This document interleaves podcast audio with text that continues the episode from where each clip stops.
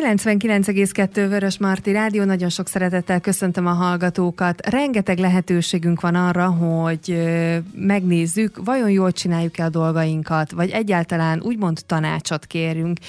Rengeteg szakember dolgozik például Székesfehérváron is, úgyhogy bőség zavarában vagyunk sokszor, hogy vajon mi lenne a legjobb módszer számunkra, vagy egyáltalán, hogyha föltesszük a kérdést, mire is van valójában szükségünk, hogy vajon valaki megmondja nekünk, hogy bizonyos helyzetben mit csináljunk, talán ilyet nehezebb találni, vagy valakit, aki éppen tanácsot ad, vagy megpróbál terelgetni minket, vagy talán esetleg aki egy picit átvitt értelemben gondolkodtat el minket a saját dolgainkon. Ebben az órában a meseterápiáról fogunk beszélgetni, de nem akármilyen megközelítésben. A stúdióban nagyon sok szeretettel köszöntöm Májer Ágnes meseterápiás szakembert. Szia! Szia, köszönöm a meghívást, én is köszöntök mindenkit. Egy-két szóban azért a meseterápiáról kérdeznélek, hogyha valaki még nem hallott volna róla, akkor hogyan is kell ezt elképzelni, és ugye hát mi az alapja nyilván, egyáltalán miért lehet meseterápiáról beszélni? A mesék nagyon régóta részei az emberek életének, már több ezer éve, évvel ezelőtt is jegyeztek fel történeteket, illetve ugye ma is nagyon népszerű, akár ha arra gondolunk, hogy mennyi filmet nézünk a tévében vagy a moziban, ezek is a mesei elemekre épülnek. Meseterápia is ugye mesékkel dolgozik, és az a lényege, hogy a bennük lévő szimbólumok által közelebb kerüljünk a, a megoldásainkhoz, céljainkhoz. Minden problémának vagy életkori szakasznak megvan a mesebeli megfelelője, a mesék így nagyon sokat tudnak segíteni bármilyen probléma esetén. Nagyon fontos, hogy a bennük lévő szimbólumok hatnak ránk. Ezek több ezer éves szimbólumok, és bármilyen magyarázat nélkül is hatással vannak ránk. Ha például egy boszorkányra gondolunk, vagy egy sárkányra, ez mind olyan szimbólum, ami megmozgat minket, és, és előhív bennünk valamit. Ezeket használjuk a meseterápia során is. Akkor, hogyha jól értem, akkor itt nem tanácsot kap az ember, vagy legalábbis csak ezt átvitt értelemben. Tehát, hogy ez, ez nem úgy fog kinézni, hogy Jolikának és Pistikének ezt kellene csinálnia, hanem, hanem kapnak egy történetet, egy ilyen kis tarisznyát, hogy a mesékkel éljek én is, és akkor abból kell, vagy abból tudnak rájönni arra, hogy valójában hol vannak akár elakadva, vagy mivel lehetne tovább lépni. Ez pontosan így van, semmiképpen nem adunk tanácsot, nem a mi dolgunk, hanem a, a mesék önmagukban hatnak. Az aktuális problémához kapcsolódó mesével dolgozunk, és mindenkit megfog valamelyik mozzanat, szimbólum a meséből, és nem véletlenül éppen az a dolog uh-huh. fogja meg, mert valószínűleg az kapcsolódik ahhoz a kérdéséhez vagy problémájához, ami éppen foglalkoztatja, és általában azzal a szimbólummal dolgozunk tovább, átvitt értelemben, tehát nem szó szerint uh-huh. arról a problémáról van szó, hanem, hanem a mesebeli megfelelőjéről, ami a tudattalanra hat, tehát kár is, kár is lenne magyarázni. Uh-huh. Egy példát nem tudom, hogy tudnál-e mondani, csak hogy milyen élethelyzet és például milyen, milyen mese kapcsolódhat hozzá. Például gyerekeknél szorongásos tünetek esetén jól működik a Piroska és a Farkas című uh-huh. mese, amelyben a farkas jól szimbolizálja, kifejezi a benne lévő félelmeket, jól megszemélyesíti, és hogyha lerajzolja egy gyerek, hogy hogyan képzeli el a farkast, és megszemélyesíti a félelmét, már is közelebb kerül hozzá, és egy megfoghatóbb dolog lesz számára, és ez szokott segíteni abban, hogy a szorongásait is legyőzze később. Most gyerekeket említettél, de gyerekeknek és felnőtteknek egyaránt segíthetnek a mesék, tehát nincs ilyen korosztályi megkötés, hogy a meseterápia az csak gyerekeknek szólna. Egyáltalán nincs megkötés, bár legtöbben azt gondolják, uh-huh. hogy ez kizárólag gyerekeknek szól, de gyerekek amúgy is hallanak nagyon sok mesét, és hatnak rájuk a szimbólumok, viszont a felnőttek már elfelejtették ezeket a meséket, vagy nem hallanak annyi mesét, és amivel én foglalkozom, az, az inkább felnőtteknek szól. Hogyan néz ki egy ilyen foglalkozás? Tehát hogyan kell ezt elképzelnünk, hogy ö, ö, te mondasz egy mesét, és akkor mindenki hozzáfűzi a képzeteit, vagy azért gondolom, hogy több munka van ebben, mint leülni és mesét hallgatni? Én a kincskereső meseterápiás módszert sajátítottam el, amit dr. Antalfai Márta dolgozott ki. Egy meseterápiás foglalkozást úgy kell elképzelni, hogy egy rövid relaxációval kezdünk. Én felolvasom az éppen aktuális mesét, majd pedig következik egy imagináció, egy ilyen vezetett meditációhoz tudnám hasonlítani, hogy például idézt fel a mesét, hajt, hogy megjelenjen belőle egy kép, de nagyon sokféle módon lehet ezt a részét csinálni. Utána pedig következik valamilyen alkotás, ami központi eleme ennek a módszernek, Például, hogy rajzold le azt a szimbólumot, ami legjobban megfogott, vagy azt a jelenetet, vagy bármi, ami eszedbe jut a meséből, azt rajzold le, vagy agyagozás során például formáld meg, vagy montáskészítés is szokott lenni, tehát valamilyen művészeti eszközzel feldolgozzuk.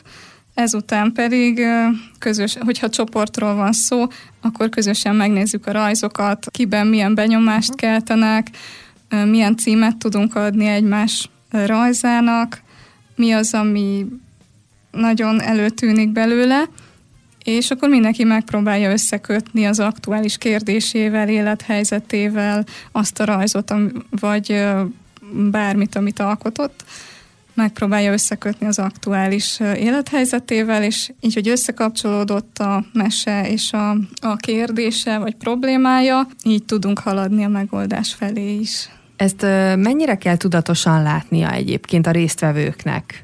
Hiszen egy ilyen úgymond vezetett meditációban az majd jön, aminek jönnie kell, de nem biztos, hogy az rögtön értelmet nyer számára. Tehát, hogy lehet, hogy neked kell segítened, hogy vajon, vajon ez mit jelent, tehát, hogy ezt mindig követi egy úgymond egy ilyen átbeszélése a dolgoknak?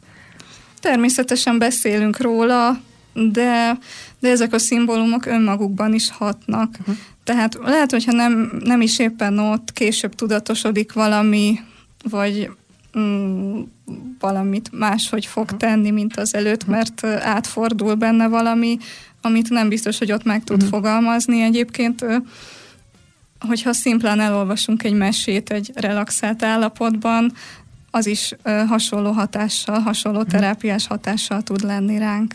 Tehát, ha jól értem, akkor ezt nem semmiképpen sem úgy kell hozzáállni, hogy ezen a foglalkozáson én megvilágosodok és megértem az aktuális problémámat, hanem lehet, hogy magán a foglalkozáson úgymond nagy dolgok nem is fognak történni, hanem lehet, hogy majd ugye ahogyan a, a, az emberi elme ezt az egészet elkezdi feldolgozni, hogy ez majd később jön meg.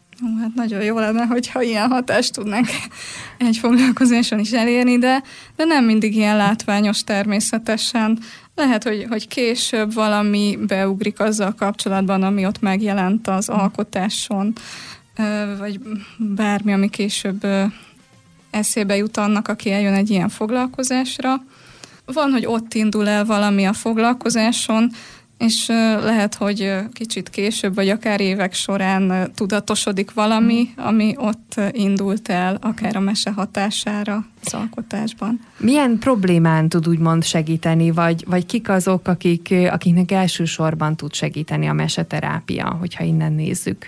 Gyerekektől felnőttekig bárkinek, úgy látom, hogy egyre nyitottabbak rá az emberek, tehát azért mindenféleképpen kell egy nyitottság rá de bármilyen élethelyzetben hatásos, mert ahogy mondtam, minden élethelyzetnek uh-huh. megvan a mesebeli megfelelője, tehát például szorongás esetén, párkapcsolati nehézségek esetén, sőt, még munkahelyi problémák, önbizalomhiány, Szóval bármi, amivel találkozunk a hétköznapjaink során, sajnos, amivel találkozunk.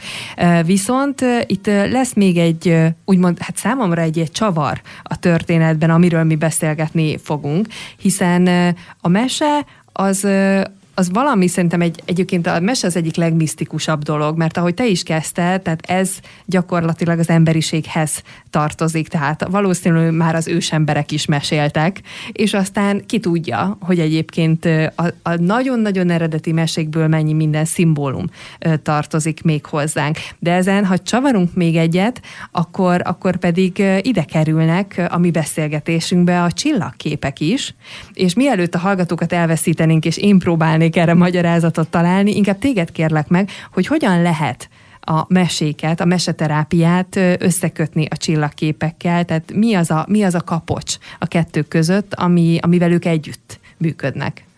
Ez egy nagyon érdekes dolog, és az asztrozófia tudománya foglalkozik a csillagképekkel főként.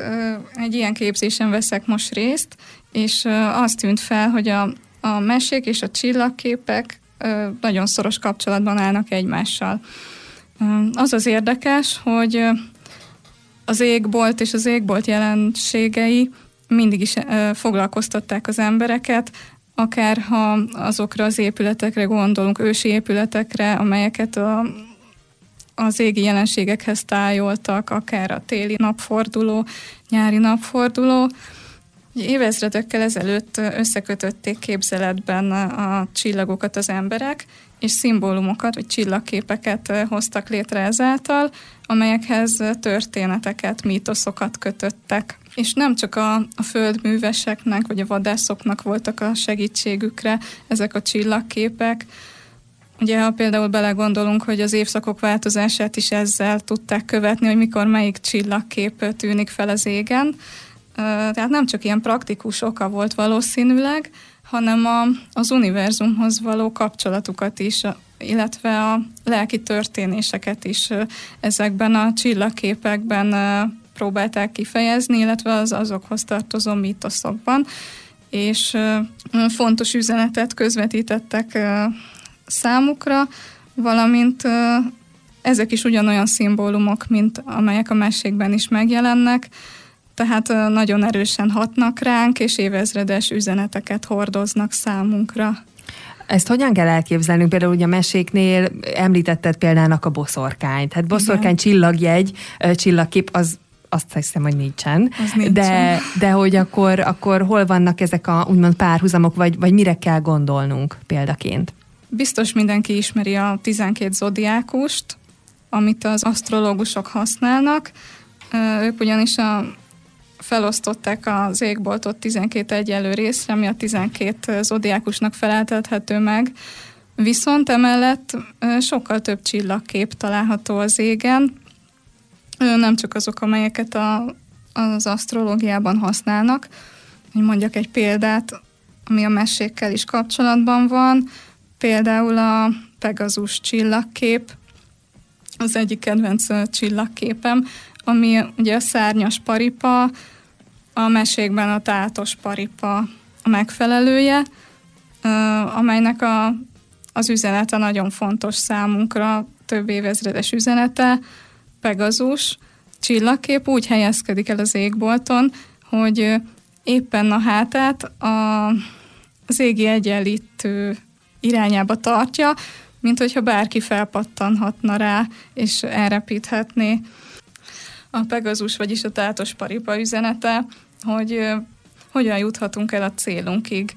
Gondoljunk például a Mirko királyfi című mesére, amelyben a, a királyfi a mese elején az istállóban még csak egy sovány gebével találkozik, és őt fogja ugye etetni, mindig a, a ló mondja meg, hogy mivel etesse, és ez könnyen párhuzamba vonható azzal, hogy a tehetségeinket használjuk ki. Tehát, hogyha a jó tulajdonságainkat és a tehetségünket nem kamatoztatjuk, nem foglalkozunk vele, hogyha elhanyagoljuk, akkor nem fognak később tátos paripaként repíteni minket, mint ahogy a mesebeli királyfi foglalkozik a, az akkor még sovány gebével, eteti, gondozza, ápolja, végül parázsal eteti, ami a, a szenvedélynek a szimbóluma, tehát ö, arra utal, amit ö, szenvedéllyel csinálunk, amit, amivel nagyon szeretünk foglalkozni,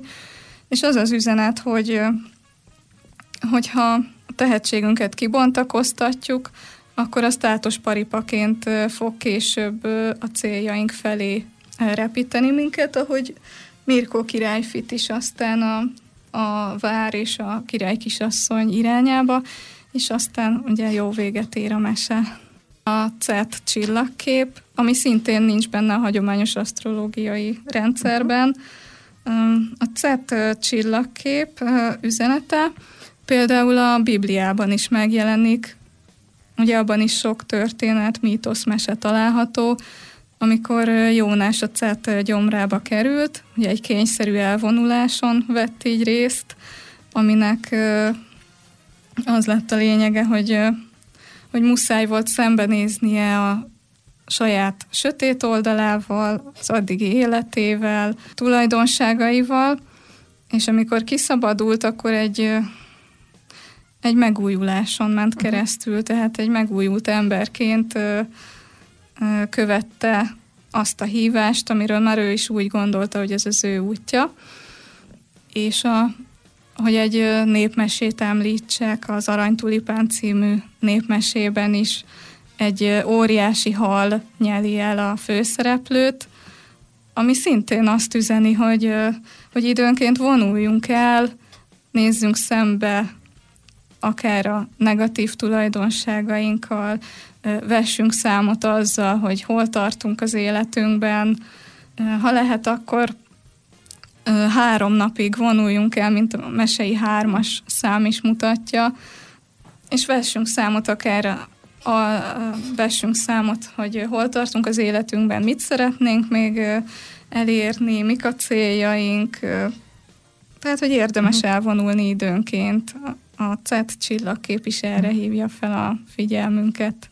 Hogyan tudod egyébként ezt a, ezt a tudást kamatoztatni a meseterápiákon? Tehát hogyan fog összeállni a kettő? Vagy, vagy miben támogatja egymást a kettő? Hát leginkább abban, hogy, hogy nézzük az évkört, ugye tavasztól őszig, télig, mindig van, ami hangsúlyosabb, akár a természetet is, ha figyeljük közben, például ősszel az elmúlás, a lezárás, és Ilyenkor segítségül lehet hívni az ide kapcsolódó meséket, de a csillagképeket is, mert általában a nap, ahogy így jár az égi útján, mm, érdemes figyelni, hogy éppen melyik csillagképet érinti, mert annak az üzenetét egy kicsit felerősíti.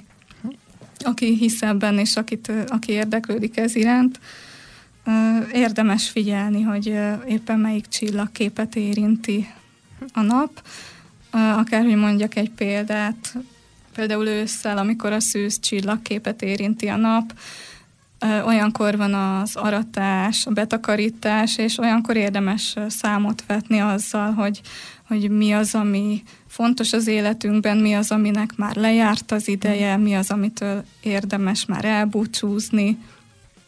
Tehát ebben is tudnak segíteni a csillagképek, illetve hozzájuk kapcsolódó mítosz, mese.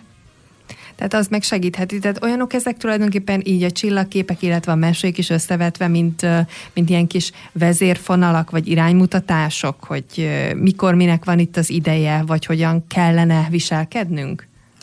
Pontosan, ezek, ezek mind ilyen iránytűnek mondható jelenségek, dolgok, amik irányt mutatnak az életünkben. Akár a labirintusból kivezető fonalat is ide sorolhatjuk, hogy ahhoz hasonló hogyha már ugye a példáknál járunk. De hogy stílusosak legyünk egyébként a beszélgetésünkben, ugye most nyár van.